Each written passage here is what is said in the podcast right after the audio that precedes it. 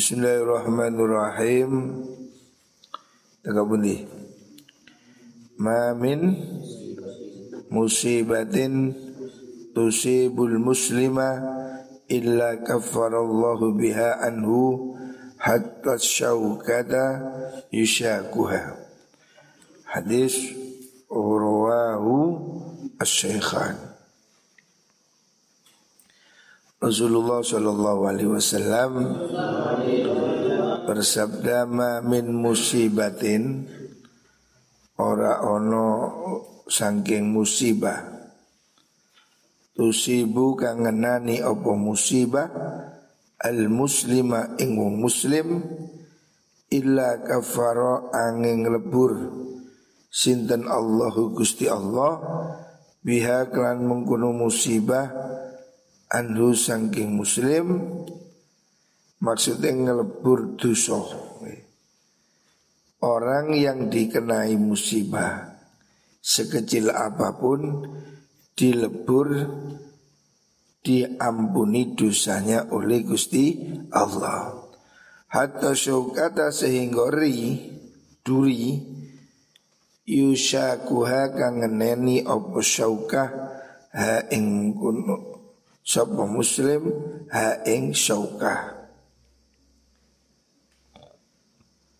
musibah itu apabila diterima dengan sabar dengan lapang dada maka akan membuat dosa orang yang kena musibah diampuni oleh Gusti Allah ya. Makanya harus sabar. Selanjutnya Nabi bersabda ma apa nih? Mana halah walidun waladahu afdala min adabin hasanin. Rawal hakim. Mana hala ora aweh. Sopo walidun wong tua waladahu ing anake walid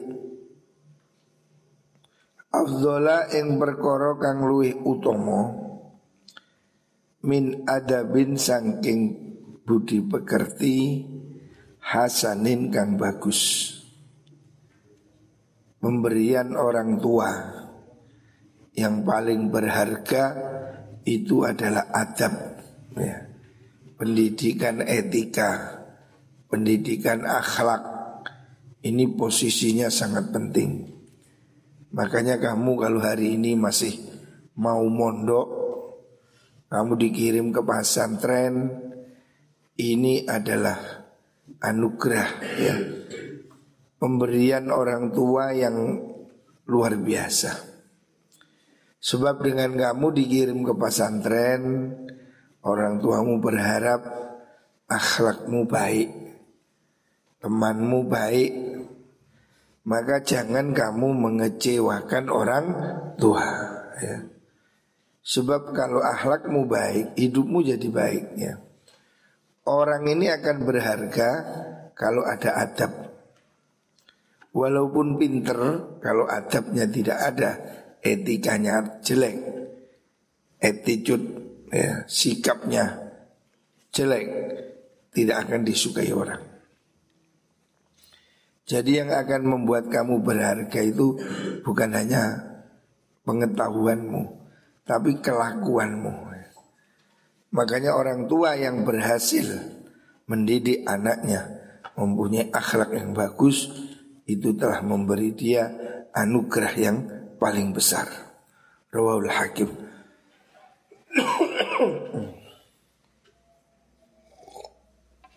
Alhamdulillah. Selanjutnya Rasulullah Shallallahu Alaihi Wasallam bersabda Mazalul bait utawi padane omah. Rumah alladzi yuzkaru kang den tutur disebut sapa Allah Gusti Allah. Ta'ala mahlur Allah fihi indal al-bait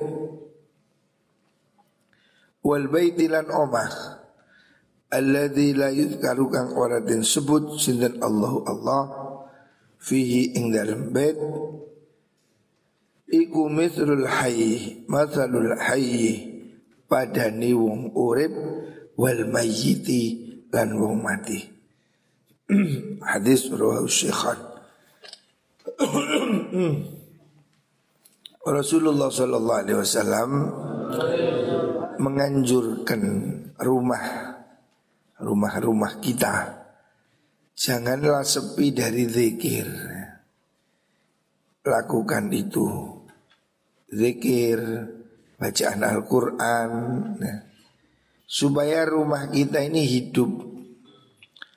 Rumah yang tidak dibacakan Al-Qur'an ada riwayat yang lain seperti kuburan.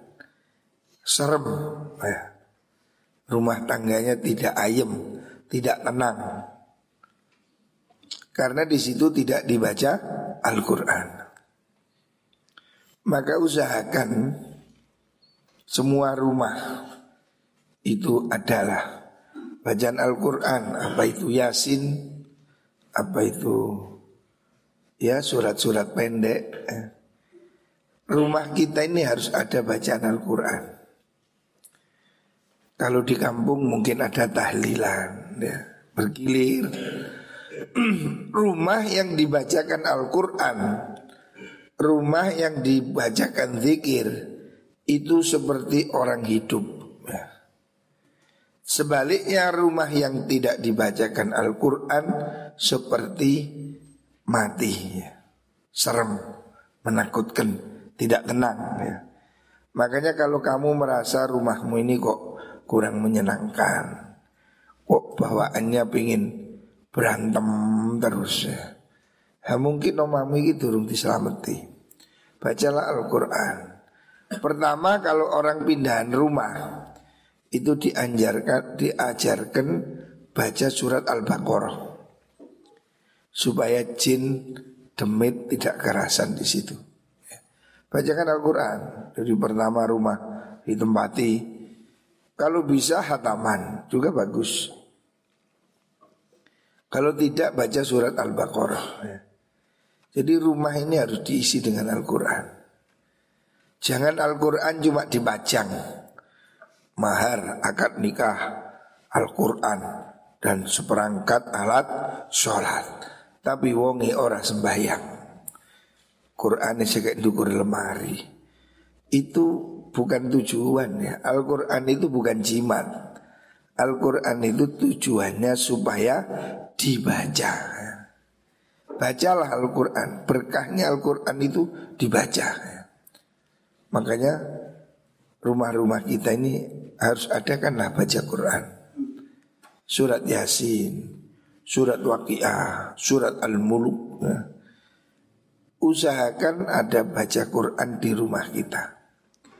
Itu yang akan membuat rumahmu menjadi hidup ya.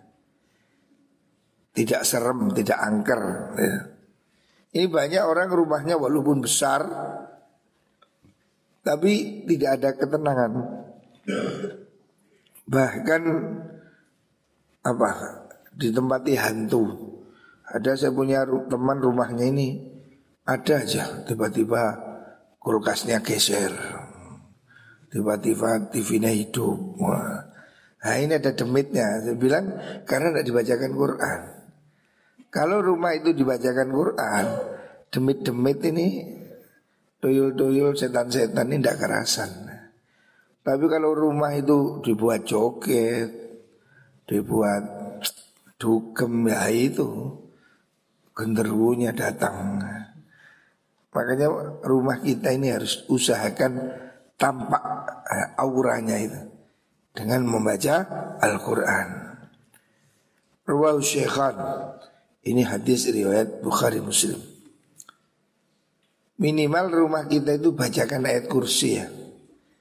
Rumah-rumah kita ini kalau kamu kepingin membentengi rumah. Jadi malam hari keluar kamu ke halaman baca ayat kursi tujuh kali. Ada barat, hadap utara, hadap selatan, timur, selatan, atas, bawah, terus hadap dirimu sendiri. baca ayat kursi. Ini untuk membentengi rumah supaya tidak diganggu apa itu sihir, tidak diganggu maling, ya. ikhtiar. Ya. Bentengi rumahmu dengan Al-Quran. Selanjutnya Rasulullah Sallallahu Alaihi Wasallam Anjing Nabi bersabda Matalul alimi Utawi padani wong alim. Perumpamaan orang alim. Alladhi yu'allimu kang mulang sopo alim An-nasa ing menungso Al khaira ing kebagusan Wayansi wayansa lan lali sopo alim Nafsahu ing awak dewi alim Iku kama tali siroji madani lampu. Yudhi'u kang madangi sopo sirat Linasi maring menungso. Waya hari kulan ngobong opo sirat Nafsahu ing awak diwini siraj Hadis rawahu Tabrani Rasulullah Shallallahu Alaihi Wasallam mengibaratkan orang alim yang tidak ngamalkan ilmunya. Ada orang ini yang cuma bisa pinter pidato Ngomongnya tentang sodako Tapi orangnya pedit Ngomong tentang sabar Tapi de ngamuan Nah Orang-orang yang bisa ngajari orang lain tapi tidak bisa mendidik dirinya sendiri ibaratnya seperti lilin ya. lilin itu menerangi orang lain tapi membakar dirinya sendiri ya. jadi lilin itu terang sekitarnya terang tapi dia terbakar makanya yang pertama kali Pertama kali yang harus kita beri nasihat itu diri kita sendiri ya. Nasihati orang lain itu setelah kamu menasehati diri sendiri. Kata Nabi Isa, "Id nafsak fa in wa illa fastahi minni." Pertama itu nasihati dirimu sendiri. Kalau kamu bisa menasehati dirimu sendiri, nasihatilah orang lain. Tetapi jika tidak, kalau kamu tidak bisa mengendalikan dirimu sendiri, fastahi minni. Kamu jangan banyak bacot. Ojo dalal dalil tapi kelakuanmu ruwet. Fastahi minni, malulah engkau kepadaku kata Allah. Ya isin Nasihati manusia dengan perbuatanmu Bukan hanya dengan ucapanmu Sekarang ini banyak pemimpin menyuruh hidup sederhana Tapi dia boros Jujur, jujur Tapi dia nyolong Nasihati dirimu sendiri sebelum kamu menasehati orang lain. Jangan kamu menjadi jarum, jarum menjahit baju untuk orang, tapi dirinya sendiri telanjang. Ada jarum pakai baju. Sama dengan lilin menerangi orang tapi dirinya sendiri terbakar. Ya. Ini yang harus kita catat ya. Santri-santri kamu sebagai orang yang dianggap ya, orang masyarakat ini menilai kamu itu santri itu baik, santri itu ah, hebat lah. Maka kamu harus menjaga ya. Jangan kamu ini kelihatan santri, gayai, tapi kelakuan nih ruwet. Ya. Jangan cocokkan dirimu dengan perbuatanmu. Jangan kamu memberi nasihat orang Tapi kamu tidak memberi nasihat pada dirimu sendiri Jadi pertama kali yang harus kita beri nasihat diri kita sendiri, sing hati-hati. Terutama yang di pondok ini saya minta kamu harus jadi baik ya. Kalau kamu di pondok ini tidak jadi baik, nggak jadi tertib, nggak jujur, terus kamu kapan jadi baik? Ya?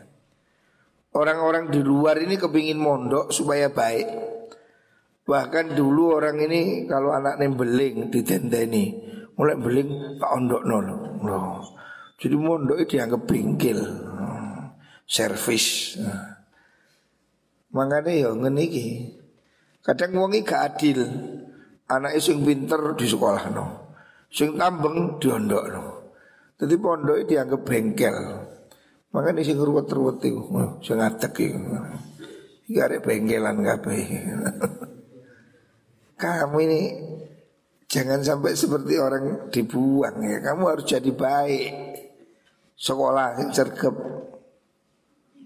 Untuk apa kamu tidak sekolah? Pokoknya setiap hari saya absen nggak sekolah berdiri ya. Kamu ini jangan menyia-nyiakan kepercayaan orang tua. Kita di pondok ini harus jadi baik ya. Muka-muka dapat hidayahnya Gusti Allah. Rawahu at-Tabrani. Hadis tadi diriwayatkan oleh Imam Tabrani. Selanjutnya Rasul bersabda ma yakunu indi min khairin falan adakhirahu angkum Ma utai perkara indi kang tetep ing dalem sanding ingsun. Yakunu kang ono iku indi ono sanding ingsun. Min khairin sangking kebagusan falan adakhira ora bakal nyimpen ingsun hu ing khairin angkum sangking sira kabeh Kanjeng Nabi ini tidak pernah nyimpen uang. Ya. Kanjeng Nabi ini bukan tipe pemimpin yang memperkaya diri sendiri. Kanjeng Nabi kalau dapat harta sodakoh atau apa Itu tidak pernah disimpan. Langsung dibagikan. Bahkan dalam kitab Riyadus Solihin disebutkan suatu saat Rasulullah Shallallahu Alaihi Wasallam kanjeng Nabi ini habis sholat asar salam langsung mencelat bergegas pergi orang heran ada apa ini Nabi kok tiba-tiba pergi? Ternyata Nabi keluar dari masjid masuk rumah. Rumah Nabi itu di empernya masjid Masuk ke rumah balik lagi. Bawa apa? Bawa uang. Jadi ternyata Nabi tadi itu ingat Di rumah masih ada uang. Jangan sampai nginep. Ya. Nabi nggak mau duit nginep di rumah. Jadi begitu sholat asar ingat langsung juga gas keluar Masuk lagi ambil uang yang ada di rumah dibagi. Kata Nabi saya tidak ingin uang menginap di rumah saya. Loh gitu loh kanjeng Nabi ya tidak nyimpan uang di rumah. Bahkan Sayyidah Aisyah istri Rasulullah Shallallahu Alaihi Wasallam. Sayyidah Aisyah ini mengatakan rumah tangga Nabi itu tidak setiap hari menyalakan api. Tidak setiap hari masak. Jadi rumah tangga Nabi ini kadang ada, kadang nggak ada. Kadang masak, kadang tidak masak. Nah kalau tidak masak, ponaannya tanya. Kalau tidak masak makan apa? Sayyidah Aisyah menjawab, kami cuma makan air dan kurma. Jadi kanjeng Nabi itu sering rumah tangga itu tidak makan nasi, tidak masak. Hanya makan air dan kurma. Padahal dia adalah manusia terbaik. Rasulullah Shallallahu Alaihi Wasallam tapi hidupnya itu sederhana. Apakah Nabi itu tidak punya uang? Lu sering Nabi dapat uang.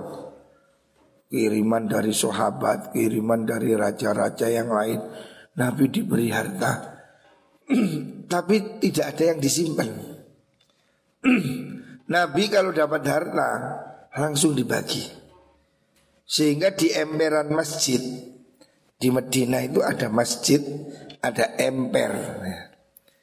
Di emper masjid ini berkumpul sahabat-sahabat yang miskin-miskin. Yang disebut dengan ahlu sufah, ashabus sufah. Orang-orang yang ngemper di masjid. Itu kerasan di situ. Karena Nabi selalu memberi. Jadi Nabi kalau ada apa-apa beri sama sahabat.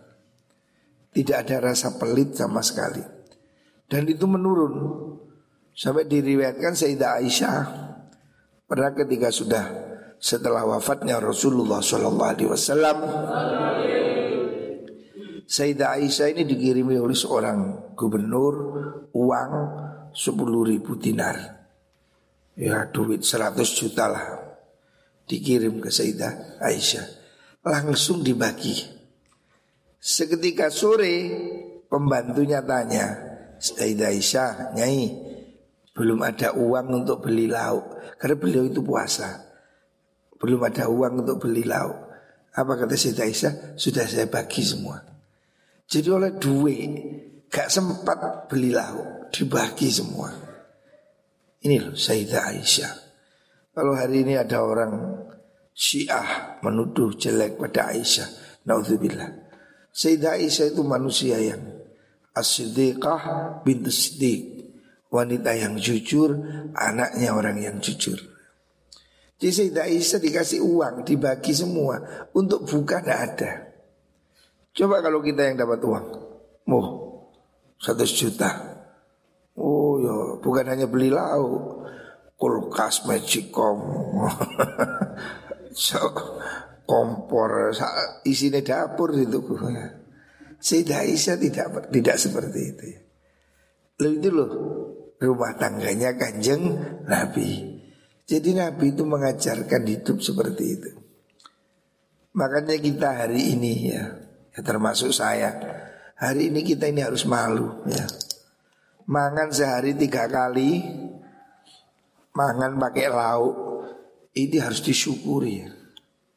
Bahwa orang hebat, manusia sempurna, Rasulullah Shallallahu Alaihi Wasallam itu tidak makan setiap hari. Rumah tangga Nabi tidak masak setiap hari. Bayangkan, rumah tangga manusia terhebat di muka bumi nggak makan setiap hari. Kita gitu loh, wis mangan, ngurusi anyi-anyi. Ini tak delok sego gak entek, dosa kamu. Kamu ngambil nasi tidak dihabiskan Mengambilkan nasi, mengambil nasi disia-sia itu dosa Itu tabzir Mubazir itu saudaranya setan. Jadi kamu kalau mau jadi setan buat nasi itu. Paham? Jangan buang nasi. Bayangkan zaman Nabi lo orang makan sulit. Rumah tangga Nabi tidak makan masakan setiap hari. Kita hari ini di pondok makan sehari dua kali minimal. Kade adang Kate apa? Kate no kompor sekarang ngemplok. Ngono lho sik ngualem. Aku kadang delok arek pondok iki rada gregetan. Jam songo nang warung. kan Iqbal iku nih. Dungok dul. Nang warung bareng. Kok niku lho. Mangan sarapan ke pondok sih kurang sih nang warung. Sok kemenyek-kemenyek. Kamu ini jangan biasakan makan enak. Jangan biasakan hidup boros. Orang ini kalau biasa makan boros, makan enak Ya akhirnya nyolong. Terbukti. Dulu saya ini, ya ini contoh aja Saya dulu punya supir. Supir di rumah saya ya santri seperti ini. Yang unik aku bendino manganin dekus Oh, makannya warung terus. Akhirnya ketika sudah pulang dia mungkin belum bisa bekerja, jalui mangan enak. Akhirnya nyolong. Bayangkan santri jadi pencuri. bila Mencuri. Salah sih dicolong sopo. Ya tokoku dewi, tambah kurang ajar. Jadi datang ke toko anak-anak toko ya kan beli anu beli anu nyengkri toko ini digarong Seperti itu, bayangkan. Seorang santri bisa jadi pengkhianat. Gara-gara hidupnya boros. Ya. Makanya ini saya tidak suka anak pondok ke warung. Jangan biasakan diri ke warung. Di pondok sudah ada kantin. Ya sudah kantin itulah ya. Makan seadanya. Toh kamu pagi sudah dikasih makan, sore sudah dikasih makan, ya. Tidak usah ke warung di luar. Kalau memang kamu masih lapar ke kantin ya. Kantin pondok itu loh, aman. Saya nggak suka anak pondok keluar dari lingkungan ini. Mesti apa? Ngerokok, gitu loh, ngerokok itu penyakit. Kamu kok nggak sadar rokok itu penyakit. Tulisannya apa? Rokok itu membunuhmu. Bunuh diri kamu. Mus tulisannya rokok membunuhmu rokok menyebabkan impoten. No. Impoten ya apa kan? Gak iso hormat. impoten tuh gak payu rapi kan. Masih lanang. Makanya ini saya minta hentikan itu ya. Jangan boros ya. Makan seadanya, hidup seadanya. Kalau kamu bisa begitu, kamu akan berkecukupan. Tapi kalau kamu ini suka nang warung, isyuntune ya akeh wong supir-supir lho, rokok iji samsu mangane nang warung. Ya habis duitnya. Nggak bisa beli mobil, nyupir terus. Karena duitnya habis dibuat ke warung, ngopang ngopi, ngopang ngopi ya. Sebetulnya ngopi di rumah kan bisa lah. Tapi lek nang warung kurang anu kurang mantap benar. Itu kebiasaan buruk ya. Kalau kamu memang kepingin ngopi, silahkan. Gue kopi ya, tuku kopi yang murah ya. Kopi yang murni itu. Bikinnya kapan? Pagi. Habis ngaji ini ngopi, silahkan. Dulu saya di pondok begitu kamar saya dulu di Lirboyo itu kalau pulang itu bawa gula, bawa kopi, bawa teh sehingga kita ini rukun. Setiap hari gantian beli air. Jadi pakai apa gelasnya? Ya cibuk. Bawa cibuk, cibuk sih kurang WC beli air, beli air panas. Setelah itu kasih kopi teh diudak sendok eh sikat gigi. Nah, biasa pondokan. Diumpe bareng-bareng rukun. Kamar saya dulu begitu. Gula, kopi, teh selalu ada. Tidak apa-apa. Tapi ngopinya jangan malam. Ngopinya pagi hari. Memang kopi itu baik. Bahkan ada wali yang terkenal yang punya rotip yang kita baca itu Habib Abdullah Al-Haddad itu itu juga punya torikoh syurbil kohwah torikoh cara minum kopi. Mau ada torikohnya. Jadi ngudei mbek dungo. Ucap fatihah, fatihah, dungo. Jadi ada dungo nih minum kopi. Kalau perlu kita praktekkan. Torikoh minum kopi. Jadi ada doanya. Tidak apa-apa. Tapi dia minumnya itu waktu tahajud.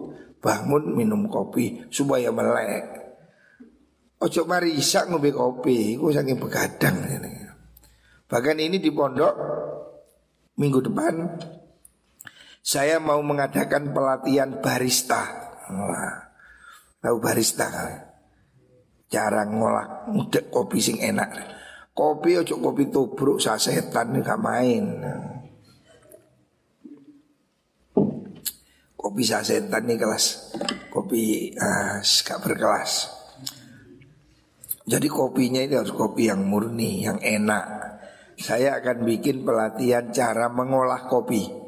Mulai dari kopi basah.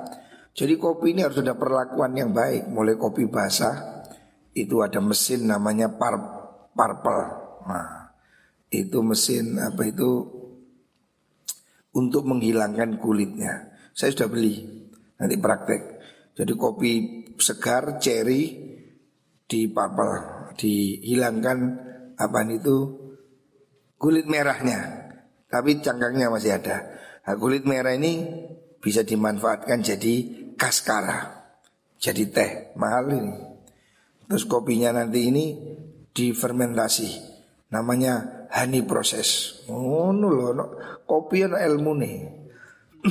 Atau kemudian kita cuci, namanya full wash, oh, full wash. Terus dijemur, terus digiling, apa itu diseleb, di roasting. Nah, saya sudah beli mesin roastingnya. Nanti kita itu bisa goreng kopi sendiri. Mahal ya kopi. Roasting ini mahal mesinnya. Sudah saya beli. Baru nanti itu untuk goreng.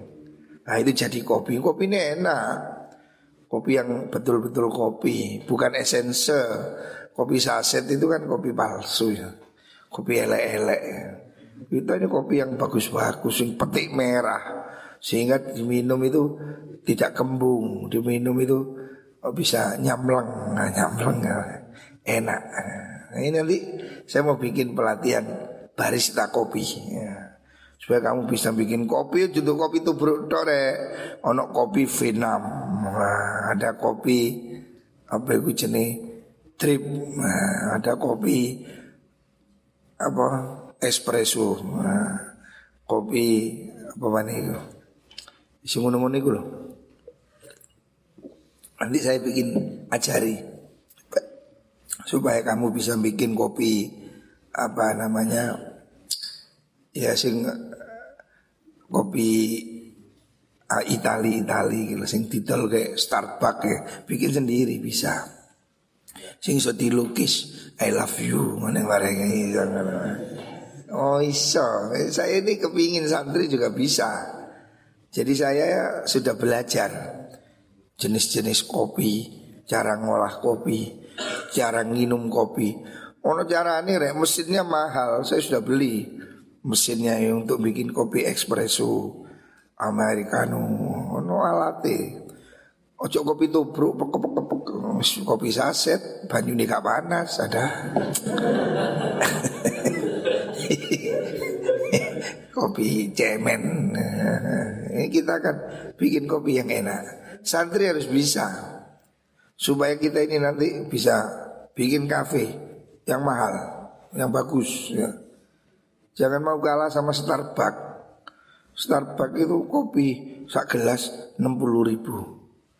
Padahal modalnya paling ya 6 ribu. Jualnya 60 ribu. Kalau ini bahasa Inggris, Starbucks. Nah. Tapi kopi ini makyem, telung ribu. Nah. Beda tempat, beda harga. Nah, saya kepingin ngajari santri barista kopi. Saya mau bikin pelatihan. Saya sudah kontak sama Universitas Brawijaya. Saya minta pelatihan untuk pasca panennya, cara ngolah kopinya. Saya nanti mau ngundang dari Jember. Pusat kopi itu Jember. Nah, pusrit kopi Jember.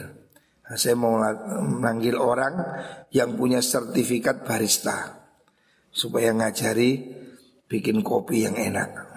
Wes ngopi kopi iku gak arep kopi sasetan. Apa ya? Kopi cuwer. Ini kopi kental. Nah, makanya tidak apa-apa minum kopi baik, tapi jangan begadang. Pagi minum kopi ya. Nanti kalau perlu pagi kita adakan acara coffee morning. kopi pagi. Di isuk kafe nyekal kopi. Yo nggo kelas dewi-dewi kopi. Kita ini ingin ya apa cara nih isu cok turu ngono lho. Maksudnya ngono maksudnya. Maksudnya pagi jangan tidur. Waman desa pane wong iku yastafif amri ngrekso sapa man. Ya ifahu mongko ngrekso ing man sinten Allah Gusti Allah.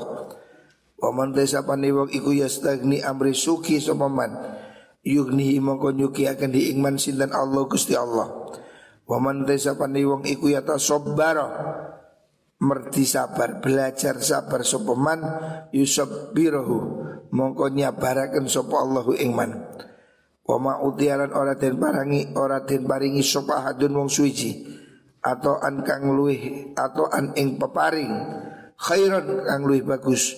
Wa ausa'alan lui cembar minas sobri sanging sabar. Rawahul bukhari wa muslim. Jadi Rasulullah sallallahu alaihi wasallam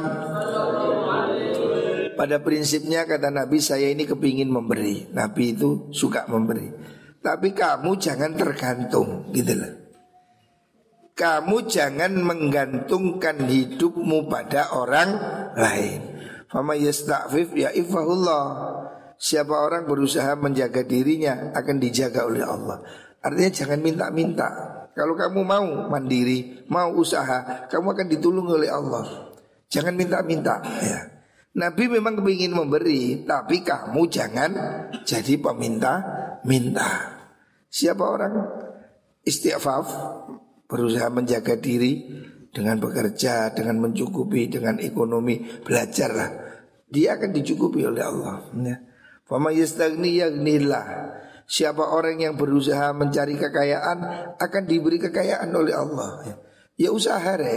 Makanya saya itu santri saya ajari bikin kopi, saya mau ngajari kamu bikin frozen food. Santri harus punya kreasi. Saya kepingin kita ini produksi ini, produksi itu. Produksi A, bikin apa, bikin. Kamu harus Artinya saya ingin mengajari kamu, memancing kamu untuk jadi pengusaha. Jangan jadi peminta-minta ya. Saya tidak suka. Saya juga bekerja. Ayah saya juga bekerja. Kita ini meskipun aktif di pesantren ngaji, tapi kita bekerja ya. Kita harus berusaha mencukupi diri kita sendiri. Wa may yatasabbar yusabbirullah. Siapa orang berusaha sabar, ia akan disabarkan oleh Allah. Artinya orang itu harus mau berusaha. Siapa kepingin kaya diberi kaya oleh Allah. Siapa mau sabar disabarkan oleh Allah. Dan pemberian terbaik dalam hidup ini adalah sabar. Sabar ini untuk mengatasi semua kesulitan. Jadi kita ini mintalah pada Allah supaya diberi kesabaran dan belajarlah untuk bisa sabar. Gumko ditulungi Allah Subhanahu wa taala.